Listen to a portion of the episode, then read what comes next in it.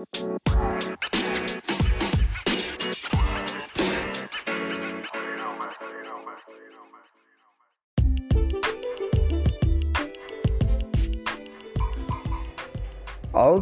welcome to Tag Mail.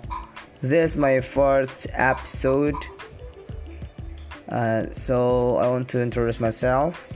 My name is Agung Mardianto. You can call me Agung or Mart, maybe.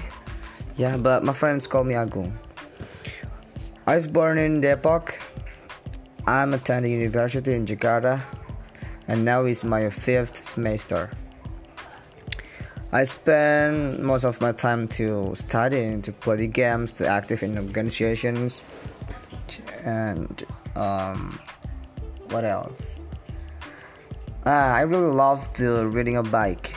Yeah, when I go to campus, I ride a bike to train station, and almost ride in the weekend. Yeah, I love ride a bike in the weekend.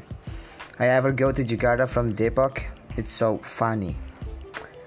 And now, in my podcast, uh, you know, I never record my voice, so this is my first time. I hope you will enjoy my podcast. Yeah, you know, I'm a crazy.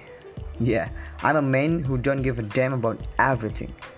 So I don't give a damn about what people think about me, even like this. It's like when people think that, that I'm stupid or people think that I'm crazy. So what? When people laughing at me, so what?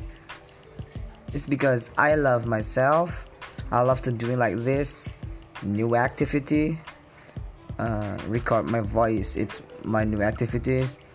So yeah, and I, I realized that it's okay to be imperfect so here I just want to make a lot of mistake like bad grammar, pronounce or something like that. I, I create this podcast to find a new partner. So I hope you be a good listener. You guys can correct me if I'm wrong. Yeah, I, I really get a, a lot of mistake. So please correct me. And this the way the way I to be more confident to speak English. So if you hate me, I think you just don't really know me. I hope you you will enjoy every single podcast I made.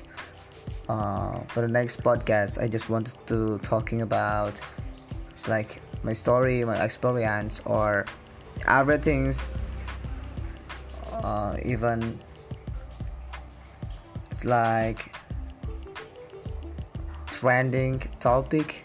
We can talking about everything. So yeah be smarter and go crazy